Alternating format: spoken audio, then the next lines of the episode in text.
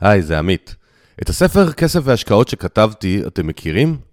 הספר מחולק לארבעת היסודות שהם המפתחות בעולם הצמיחה האישית והפיננסית. תודעת שפע ו mindset לצמיחה, הגדלת הכנסות, ניהול הכסף ותכנון פיננסי והשקעות.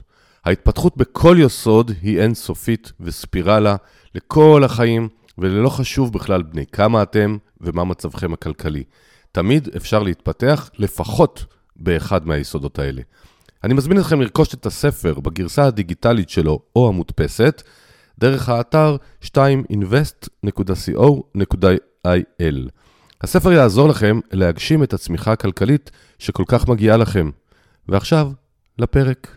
שלום לכולם וברוכים הבאים לפרק 101, אני עמית אשת. אנחנו מתחילים את המאה הפרקים החדשים, נראה מתי נגיע לפרק 200, בתקווה שזה יקרה. אני מקליט את הפרק הזה באמצע חודש ספטמבר 2022, אני לא יודע מתי תקשיבו לו. אה, בשני לחודש היה כנס ענק בבית ציוני אמריקה, היו 400 משתתפים, סט מרצים ופאנליסטים מצוינים. היו תגובות ממש מחממות את הלב, וחלק שאלו מתי יהיה עוד כנס. אז בניגוד למה שחשבתי בהתחלה, שזה אולי יהיה כנס יחיד, אני מבין שיש צמא, יש רצון, אז כנראה שאני אעשה עוד כמה כנסים באזורים שונים אפילו בארץ, בכל מיני סגנונות, אני עוד לא סגור על זה לגמרי, אבל אני כמובן אעדכן. אה, באתר שלי, שהוא 2invest.co.il, ניתן לרכוש את הקלטות הכנס, עשרות כבר רכשו אותם והתגובות ממשיכות להיות ממש מעולות. אז uh, מזמין גם אתכם למעלה מארבע שעות, uh, הרצאות, פאנלים, חומר מעולה. חשבתי מה אני מנסה לגוון מפרק 101, שעוד לא עשיתי אף פעם, אז החלטתי שבפרקים הקרובים אני אעשה איזשהו ניסוי, ואם אני אקבל תגובות שאתם אוהבים את זה, אז הוא יהפוך להיות קבוע. החידוש הוא שאני אענה על שאלות מאזינים במהלך הפרק, מה שזה אומר, יש, אני אחרי זה אסביר איפה, אתם יכולים להקליט לי שאלה, ואנחנו נשמיע את השאלה ממש בקול המאזין, ואני אענה על זה. בדרך כלל אני אשלב בכל פרק אה, או שאלה אחת או שתיים, היום יהיו יותר שאלות כדי שתרגישו קצת, תבינו במה מדובר, ומי שרוצה לשאול באתר toinvest.co.il, בדף הבית, תגללו מתחת לרעיונות הפודקאסט, יש כפתור שנקרא הקלטה. לוחצים עליו, מקליטים שאלה לעמית כתוב, שמים את המייל שלכם וזה מגיע אליי, ואני מאוד אשמח. זה נראה לי גם חידוש מאוד מאוד מרענן לכם, גם נשמע את הקול שלכם, וגם אה, זה מחבר באמת למה שמעסיק אתכם, וזה לא תמיד יהיה קשור דווקא לתוכן הפרק. היום אה, אז יהיו שני חלקים בפרק. חלק ראשון, אני רוצה לספר כמה תובנות שעלו חזק מאוד בכנס, כמכנה משותף לכל כמה השעות שהוא נערך, והחלק השני אני אעבור לשאלות שלכם, כמה אמיצים ואמיצות ששאלו אותי. בכנס היו פאנלים על מגוון נושאים, הגדלת הכנסות, תכנון פיננסי, השקעות, היו הרצאות ספציפיות על השקעות נדל"ן, השקעות חוב, שינויי mindset מתודעת מחסור לתודעת שפע, והיו כמה דברים מאוד משותפים בין הדוברים, ועליהם אני רוצה להרחיב בחלק הראשון היום. הראשון זה שצמיחה מלווה בפחד וחשש. בין אם זה לעבור מלהיות שכיר לעצמאי, או אפילו עצמאי במשרה חלקית, בין אם זו השקעה חדשה גדולה, בין אם זה החלפת מקום מגורים, אה, המון המון החלטות הן מלוות בחשש ופחד. הפואנטה היא שגם אנשים מנוסים מאוד עדיין חוששים ומתלבטים, אבל מה שמשותף זה שהם כולם בוחנים את הנתונים, את הנושא, מתלבטים, מתייעצים, מקבלים החלטה ומבצעים. להיות תמיד על הגדר ולקפוא במקום הוא פשוט עוצר אתכם. חשוב פה המסר שעבר מכל 15 המרצים והפאנליסטים שהיו, יש פחד, יש חששות, אז מה? תלמדו, תחליטו ותעשו. מניסיון שלי, פחד הוא הרבה פעמים נובע מחוסר ידע. וכשאנחנו לא יודעים משהו, אז הכל הכל הכל נראה מפחיד. ואם אתם תיקחו בעולם, בעולם הכסף, או בעולמות אחרים שמפחידים אתכם, אבל בעולמות הכסף, קורס, מנטור, ייעוץ נקודתי, ספרים, משהו, לא חשוב מה, תרכשו ידע, תראו שהכל בסדר ואתם מבינים, ואז תתקדמו. צרה גדולה מאוד של הרבה מאוד אנשים שהם הולכים לכל הכנסים שיש בעולם. מקשיבים לכל הפודקאסטים שיש בעולם, אני מקווה ששלי ראשון, אבל הם לא עושים. הם לא עושים כי הם חוששים. עכשיו חשש הוא טבעי, חשש הוא הגיוני, אבל חשש בא לשמור עלינו לעשות כלום, וזה לא טוב, כי אז אנחנו יכולים לנבול.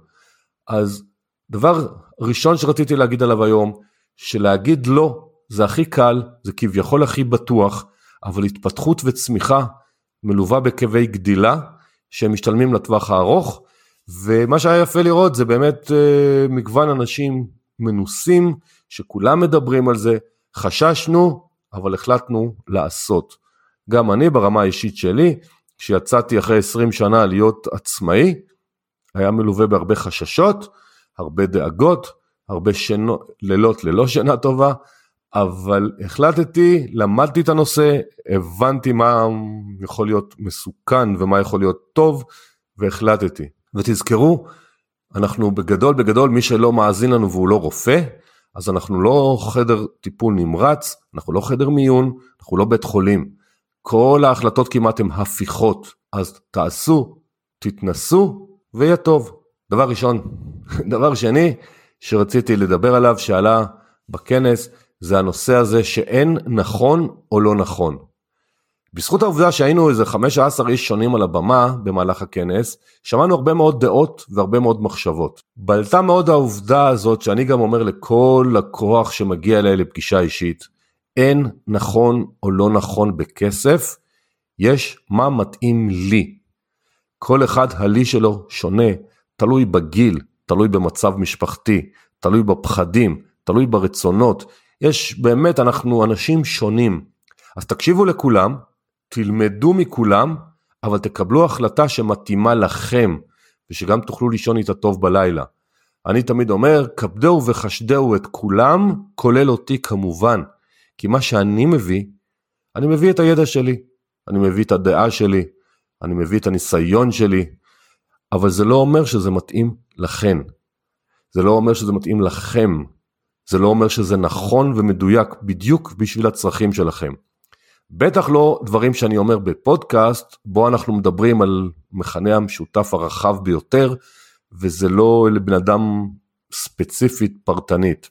אין דין זוג צעיר שרק התחתן לאימא חד-הורית, למשפחה עם שלושה ילדים לפני הצבא, למשפחה עם שני ילדים אחרי צבא, וכולי וכולי. אז המסר המרכזי שעלה במהלך הכנס ואני מנסה לזקק אותו פה, זה אל תלכו עם הרוב. אל תלכו עם מה שכולם אומרים, או כולם כותבים בקבוצות פייסבוק, וזה נראה כאילו זה נכון. הרבה פעמים אנשים מעתיקים תשובות אחד מהשני, ואף אחד לא מבין אפילו לעומק מה הוא כתב. אז תראו מה מתאים לכם. אל תחפשו תשובה נכונה, כי אין כזאת. ואם אתם שואלים מה נכון לי לעשות, אז לכל אחד הלי שלו הוא שונה, וממש ממש ממש בבקשה, תלכו עם האמת שלכם, תלכו עם הרצונות שלכם, תרכשו ידע כמו שאמרתי בסעיף קודם, כדי שתוכלו לקבל את המגוון אפשרויות שיש לכם הגדול ביותר, אבל אין נכון. עכשיו זה קצת מאכזב, כי אנחנו חונכנו במערכת החינוך ששמונה ועוד שמונה זה 16, וללמוד בעל פה איזה קטע, ואז להעתיק אותו כמו תוכי במבחן ולקבל 92 במבחן או 63. אבל בחיים האמיתיים, בטח בחיי הכסף, אין דבר כזה תשובה נכונה. וזה גם בולט בכל עולם המינוף, שהרבה מאוד אנשים אומרים, אם לא ממנפים, אז זו טעות, ואני טוען שלפעמים זו טעות, ולפעמים זה הכי חכם שבעולם לא למנף.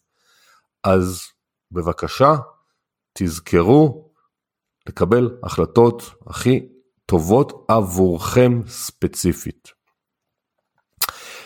ודבר שלישי שעלה בפאנל ההשקעות, זאת שאלה וסוגיה שעולה הרבה פעמים, זאת השאלה בדירה שאנחנו גרים בה למגורים, האם לגור בדירה בבעלות או בדירה בשכירות.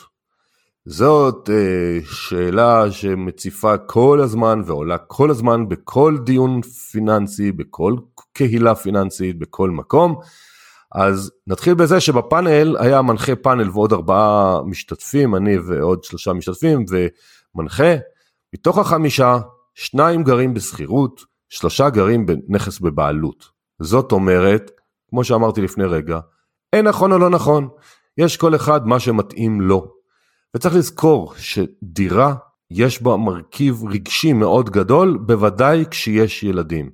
כל עוד אין ילדים צעירים, אז זוג או בודד או בודדת קל מאוד לעבור דירה ו- ולהחליף. כשיש ילדים וילדים בבית הספר או בגן, אז אנחנו נכנסים למערכת שיקולים נוספת, אנחנו לא רוצים לטלטל אותם אה, מעיר לעיר או משכונה לשכונה.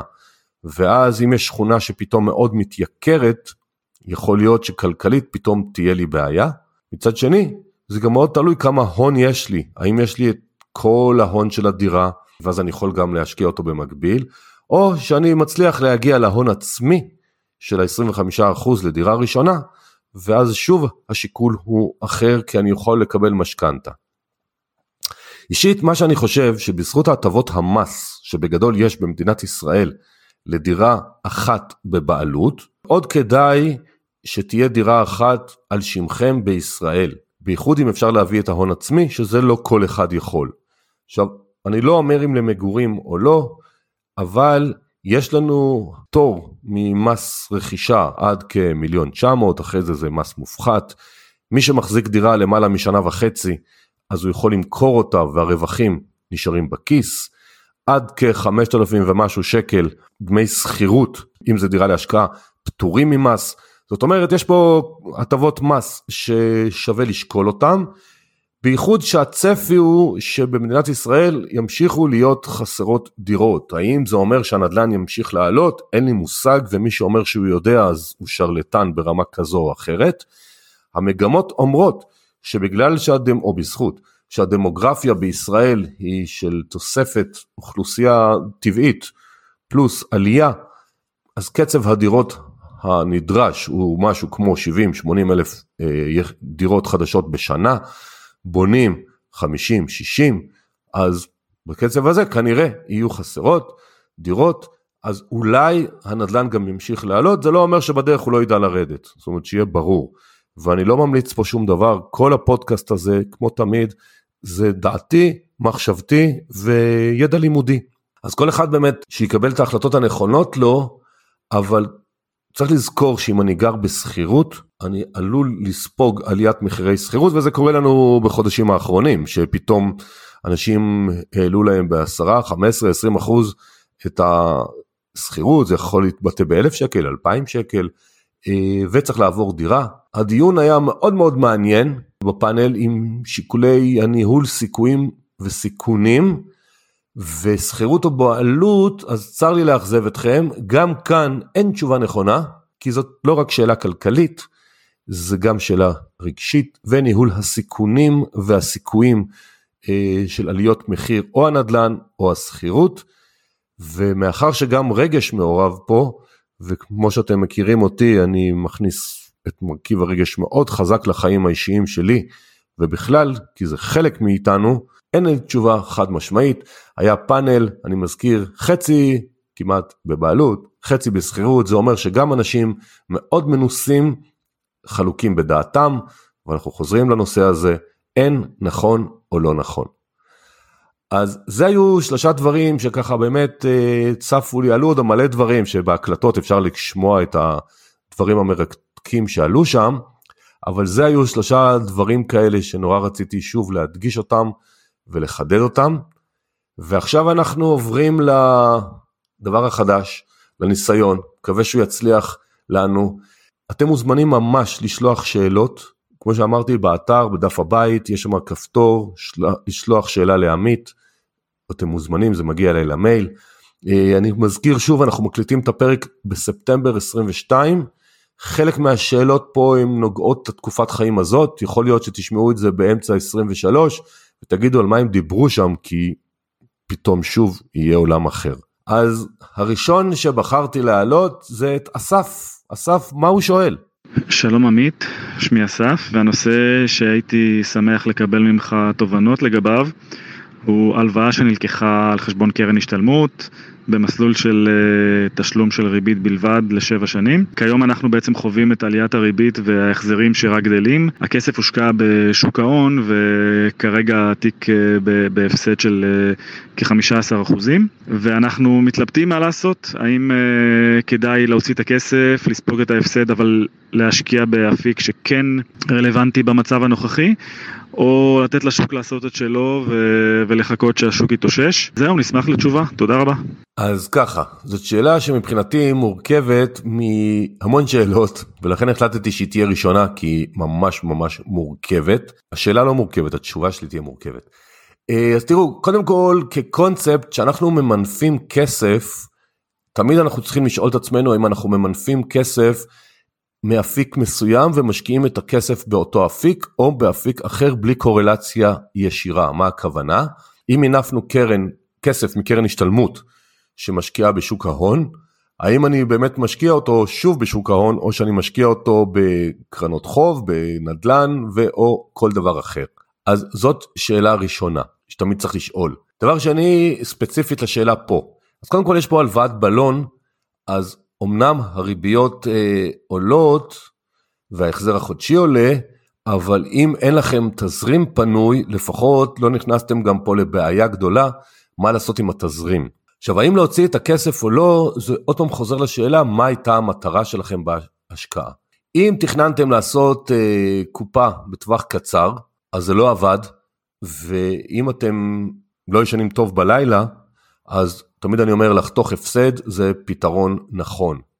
מצד שני אנחנו בתקופת חיים עם שוק מאוד מאוד לא רגוע, כרגע זה נראה שהוא עוד אפילו ממשיך אה, לעשות איתנו תהפוכות של שבוע עולה, שבועיים יורד, אז אי אפשר לדעת לאן זה הולך.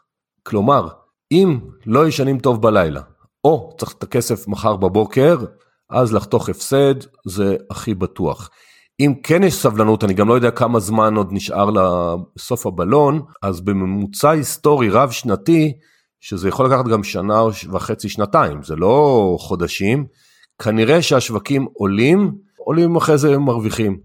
אבל צריך לזכור, אנחנו בתקופת אינפלציה, אנחנו בתקופת ריביות עולות, אז רב הנסתר על הגלוי. ה-15% הפסד כרגע לא מדאיג אותי, כי אם אתה רוצה לנחם את עצמך, אז אתה יכול להגיד, אם אני מממש את ההפסד, אז בעצם 25% מההפסד הוא מגן מס. מה הכוונה? אנחנו הרי משלמים 25% על רווח הון, אבל אם אני מממש הפסד, אז על החלק שהפסדתי יש לי מגן מס 25%, אז כשאני מממש הפסד ואני רוצה לנחם את עצמי לפעמים, אז אני אומר הפסדתי רק 75% מהכסף, לא הפסדתי 100%. נחמה טיפשים, אבל זה לפחות נחמה פסיכולוגית. עכשיו שאלת גם האם להשקיע במשהו אחר, נגיד שאתה מממש. עכשיו אני לא יודע מה זה משהו אחר, כי אם אנחנו היום בתוואי ריביות עולה, ונגיד, נגיד יש לך בפריים פלוס פריים, לא פלוס, לא זה, פריים. היום אנחנו 2.75, 2.25, תלוי עוד פעם אם זה פלוס, מינוס, אה, זה יכול גם להגיע ל-3, 3 וחצי, אז אתה צריך להשקיע במשהו לפחות 6, 7 לפני מס, כדי שיישאר לך משהו ובכלל יהיה טעם, אז זה כבר השקעות לרוב טיפה יותר אה, ספקולטיביות, אלא אם כן מוצאים את הכסף לנדל"ן, אבל אז השאלה כמה כסף יש לך וזה סרט אחר. בקיצור, אה, אמרתי זאת שאלה מורכבת, לכן בחרתי שהיא תהיה ראשונה.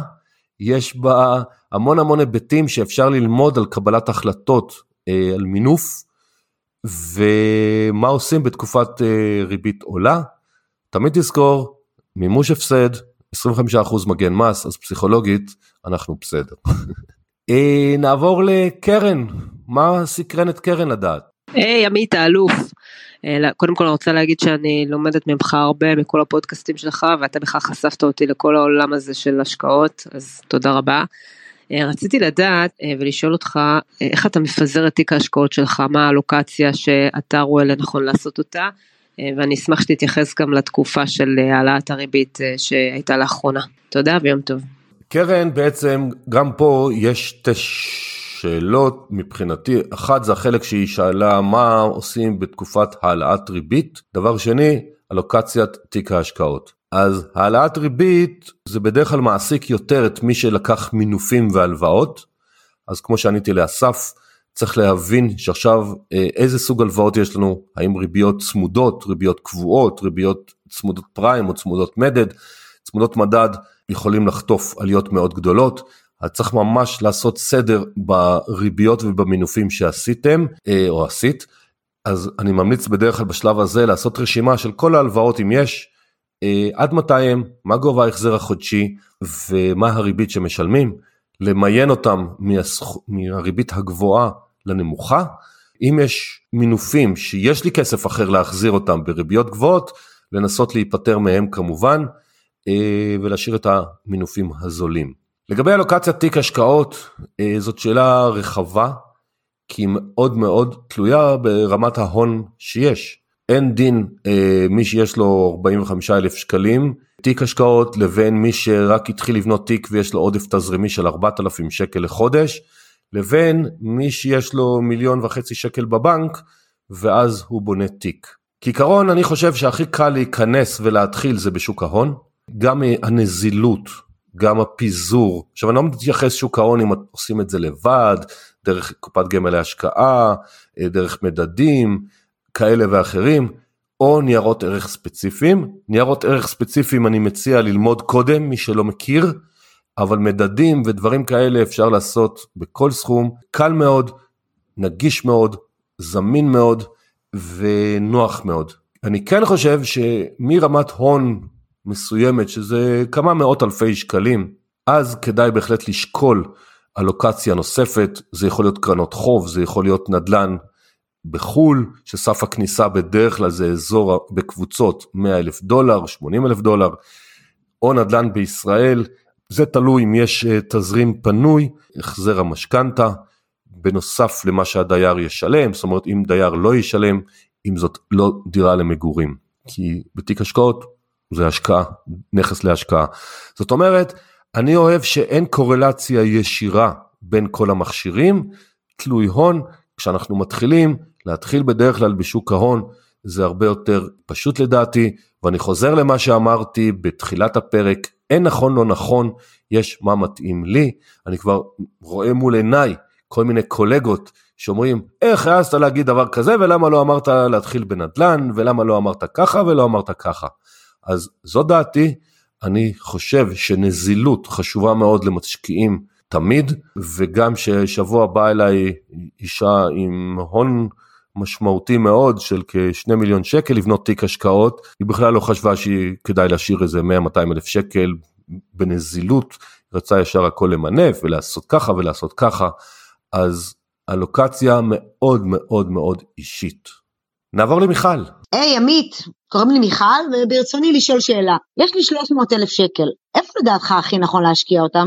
סתם, סתם, סתם, זאת לא השאלה, שאלה אחרת. אני דוגלת בדרך כלל בקרן חירום וקרן בלת"ם שיהיו נזילות וכל שאר הכספים שלי מפוזרים בהשקעות לטווחים שונים על פי המטרות שלי. עכשיו לאחרונה בגלל עליית הריבית אז נוצרה איזושהי אופציה שהיא קצת יותר אטרקטיבית ממה שהייתה נהוגה פה בעבר ויש באמת אפשרות אה, לשים או בפקדונות ולקבל איזושהי ריבית מסוימת משתנה בין הבנקים או לשים בקרן כספית. אז השאלה שלי האם היית ממליץ אם אני מדברת על טווח קצר זאת אומרת קרן בלת"ם שיכול לקרות כל יום משהו, האם היית ממליץ לשים בפיקדון יומי?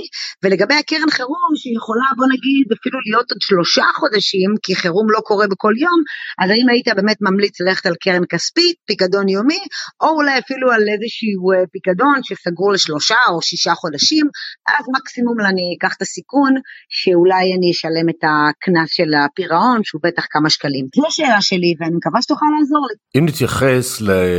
קרן חירום ולא ניכנס כרגע יותר מדי לפילוסופיה מאחורי זה מה הרעיון באמת אנחנו רוצים שהיא תהיה נזילה אבל אני לא חושב שצריך להיות היסטריה בנזילות כלומר אם מקובל להמליץ בין שלושה לשישה חודשי אה, הוצאות אז גם אם קורה משהו אז בדרך כלל אנחנו לא צריכים את כל הכסף בבת אחת זאת אומרת אין לי בעיה שחלק מהכסף לא יהיה נזיל מה שנקרא מחר בבוקר. בהחלט בתוואי של ריביות עולות ואינפלציה, שזה יותר מטריד, אם אנחנו באזור אינפלציה של 4, 5, 6 אחוז, אז כל 100 שקל של היום יהיו שווים 95 שקלים בשנה הבאה, ואנחנו מפסידים כסף. נכון שהפקדונות והקרנות כספית הם לא מגינות אינפלציה לחלוטין, אבל עדיף לי להפסיד במרכאות או לא במרכאות קצת פחות. אני לא אכנס יותר מדי לניואנסים מה זה, אבל צריך, אני כן אגיד דברים שכדאי לשים לב אליהם. שוב, מאזינים יקרים, זה לא המלצות, זה ידע. תחליטו מה טוב לכם. אז קודם כל קרן כספית, היתרון שלה שהיא נזילה ברמה יומית, הם משקיעים פקדונות עד שנה, זאת אומרת גם אם הריביות יעלו אז עם הזמן הקרן תרוויח, אומרת הטבות מיסוי כאלה ואחרות ועמלות, זה בהחלט יכול להיות מקום ראוי לשים את הכסף, כי בהחלט היתרון הגדול זה שזה נזיל ברמה יומית, כאילו זה נסחר בבורסה לניירות ערך, אני יכול לתת הוראה היום למכירה, מחרתיים הכסף יהיה בחשבון. פקדונות, יש בנקים שמתחרים עלינו יותר, יש בנקים שמתחרים עלינו פחות, אז קודם כל תמיד צריך לבדוק מה קורה. נכון להיום עוד לא מצאתי אה, אף בנק, עוד לא שמעתי שהתחילו להציע פקדונות גם צמודי מדד, הם מציעים בריביות קבועות. ריביות קבועות זה קצת מבאס כשהאינפלציה עולה והריביות עולות, אבל עוד פעם זה עדיף מכלום. אבל מה אחד החסרונות שאני רואה בזה?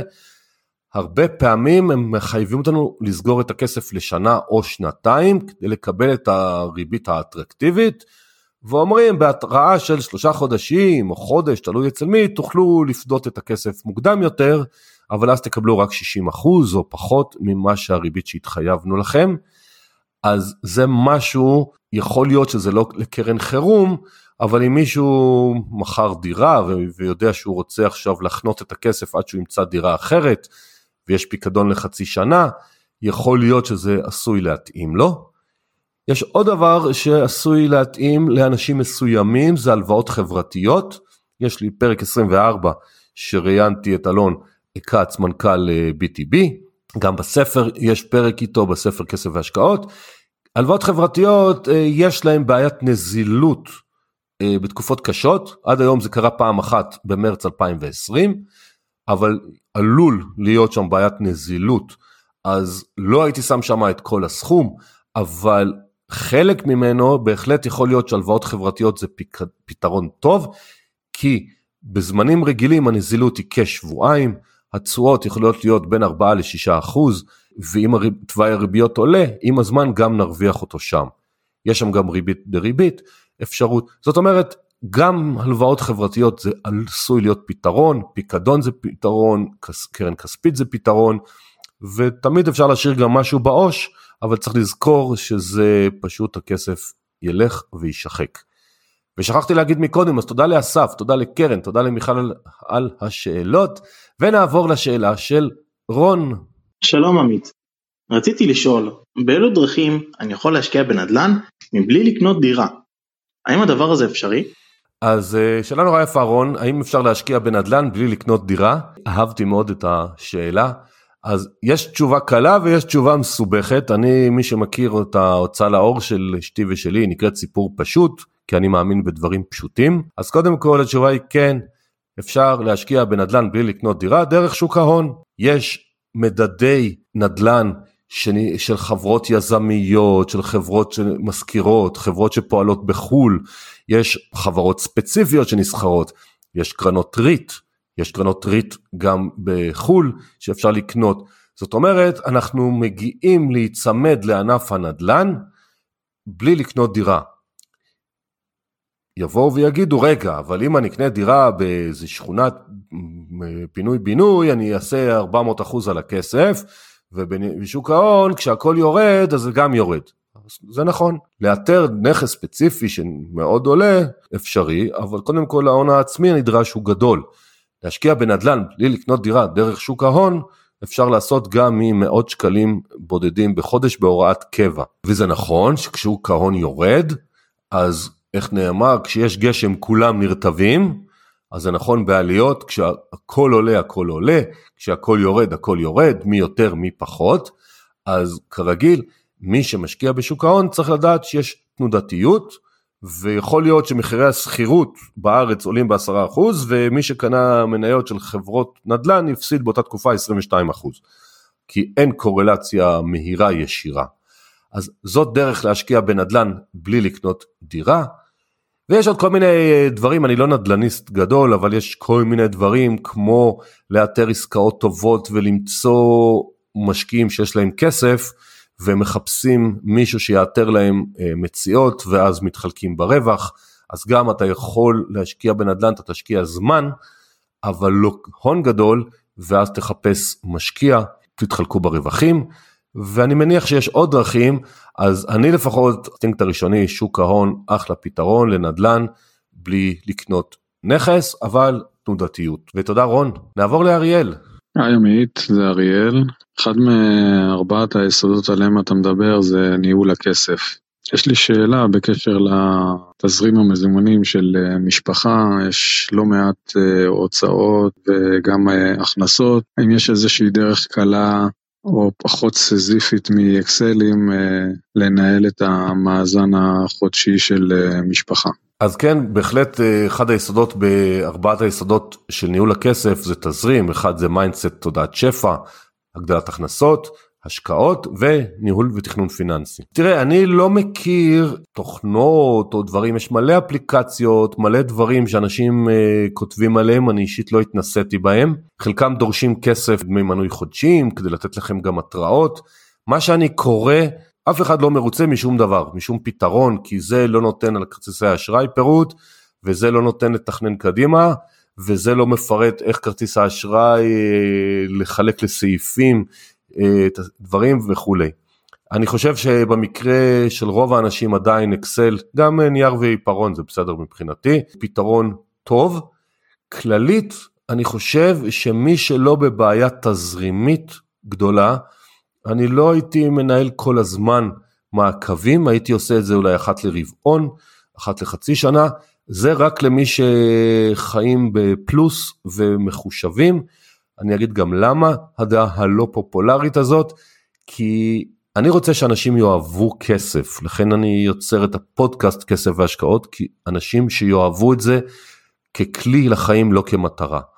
ואם אני צריך לרשום כל הוצאה שיש לי, כל הזמן, כל החיים, רוב האנשים זה מעצבן אותם, כי הם רוצים לקנות ארטיק, או ללכת לאיזו הופעה, או לאיזה משהו שלא להסתכל על זה כל הזמן. אני חושב שהתנאי הכרחי זה לחיות בפלוס, להבין מה אתם עושים עם הכסף, ומי שנמצא שם, לעשות בקרה אחת לחצי שנה, אחת לרבעון, אחת לשנה, וזה מספיק טוב, ויש מלא אקסלים פשוטים, כן להיכנס על כל שקל, פעם אחת להבין בדיוק איפה כל שקל נמצא, לאן הוא הולך, לבטל הוצאות מיותרות או בזבוזים שלא נותנים שום דבר באיכות החיים, ואחרי זה אקסל לא מכיר משהו שאנשים שמעתי שאוהבים. תודה אריאל. סיגלית, מה היא שואלת? היי, זאת סיגלית. שמעתי מקרובת משפחה שלי שיש לה המון כסף אה, שהיא שומרת בחשבון במזומן ומאוד הופתעתי. מה היית מציע לה לעשות במקום להשאיר את הכסף אה, בחשבון הבנק? מה האופציה הכי טובה למישהו שחושש ורוצה שהכסף יהיה לו זמין? תודה.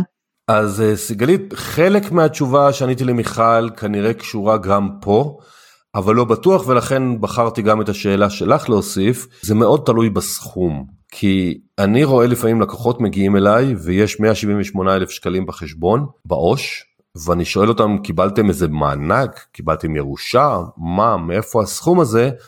ואז הם אומרים לי, לא, זה הצטבר לנו עם השנים ופשוט לא עשינו כלום איתו. אז אני מפריד קרן חירום או כסף שרוצים להוצאה ידועה, אם זה נסיעה לחו"ל, אם זה להחליף את הרכב, אם זה חתונה, בר מצווה, ברית, זה סרט אחד.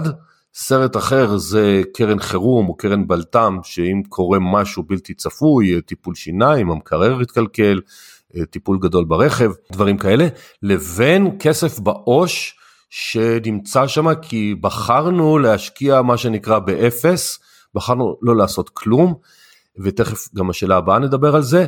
זאת אומרת, אם יש כסף בעובר ושב שהוא סכומים משמעותיים, כן הייתי מציע לשקול להשקיע אותו באפיקים פחות תנודתיים, כי אפשר גם, להש... לא חייבים להשקיע ב-100% מניות, אפשר גם להשקיע ב-5-10% מניות או 20%, שמניות זה רכיב יחסית מאוד תנודתי, זאת אומרת, להשקיע את הכסף הוא כן נזיל, כי אם זה דרך חשבון הבנק או קופת גמל להשקעה או דברים כאלה, הכסף סך הכל הוא נזיל, אה, יש לו תנודתיות, אבל לאורך השנים, כשיש אינפלציה של חמישה, ארבעה, שישה אחוז, אם אני שנתיים, שלוש לא אעשה כלום, הפסדתי עשרה אחוז על הכסף, וזה המון, וזה על הנטו, כבר ששילמנו מס.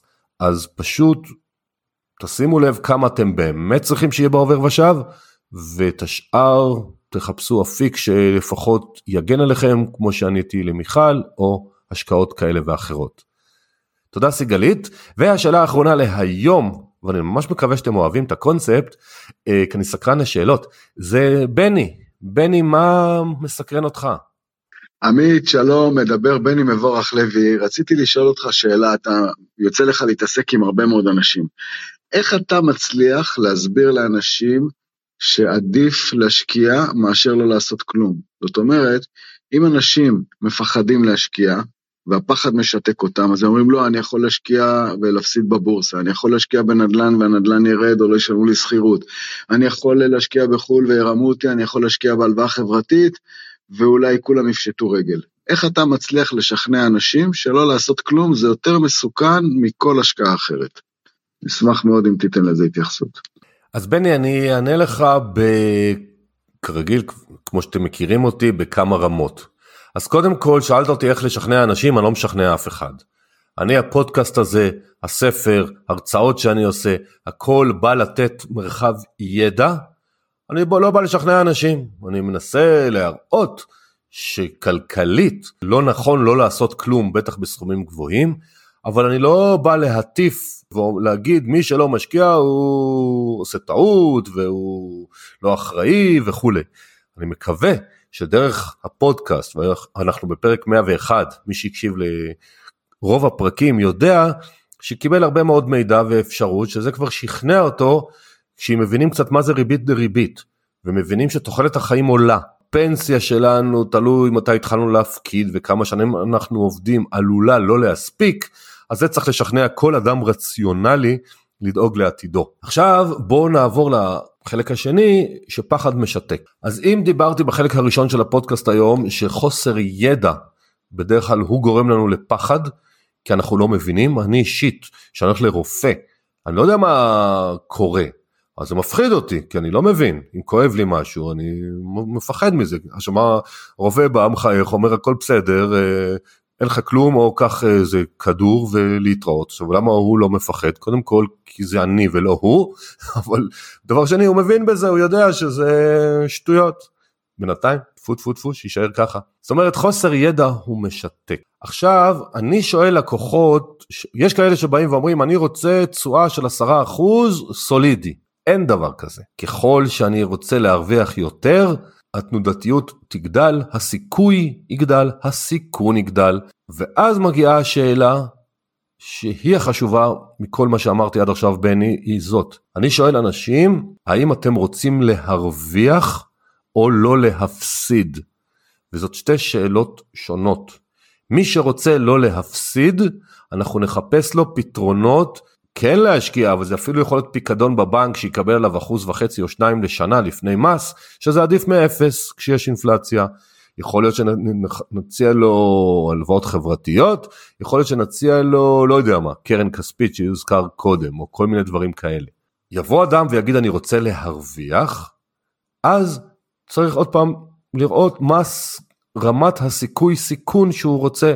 אז אם ניקח את המניות כמדד לסיכוי סיכון, למרות שזה לא מדויק, אבל שיהיה לנו קל, מי שילך על 100% מניות, הוא רוצה להרוויח, הוא צריך להבין אבל שבדרך עלול להיות נפילות, ואנחנו רואים את זה בשנה האחרונה. אז אדם שמעדיף לא לעשות כלום, אני לא מציע לו 100% מניות, אני אומר לו בואו ננסה אולי אפיק של 10% מניות. בוא תחכה חצי שנה עם 20% מהכסף שלך אפילו, לא את כל הכסף. בוא תתחיל, תטבול את הרגליים במים, תתחיל להתנסות, תעשה אולי הוראת קבע של אלף שקל לחודש על משהו, וככה לאט לאט תראה מה זה עושה לך. אם זה עדיין מאוד מאוד מפחיד אותך ואתה לא ישן טוב בלילה, זה לא שווה את זה. אז נחפש משהו עוד יותר רגוע. אבל אני לא מנסה לשכנע אנשים בצורה הרציונלית אה, של אה, אתם עושים טעות, קצת ידע מקצועי, מה זה ריבית דריבית, כמה זה משמעותי תשואה אפילו של שלושה וחצי אחוז במשך עשר שנים, כמה זה מגדיל את ההון, נסה להראות להם מה המשמעות של תוחלת חיים עולה, שאם אנחנו נפסיק לעבוד בגיל 60-65 ותוחלת החיים היום היא כבר לכיוון גיל 90, אז האם יש לי 25 שנים לחיות מהפנסיה וקצת קצבת זקנה שנקבל? רוב האנשים לא מספיק.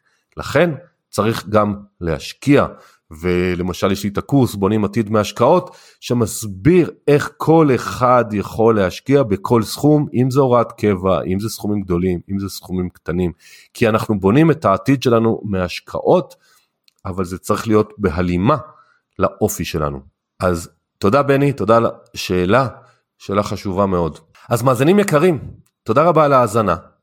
אני מקווה שאהבתם, אם כן תכתבו לי, ההוכחה הכי טובה, תשלחו לי שאלות בדף הבית toinvest.co.il, גוללים, יש שם, תגיעו ללשונית, עמית, יש לנו שאלה, לוחצים, עד 90 שניות, בום זה אצלי.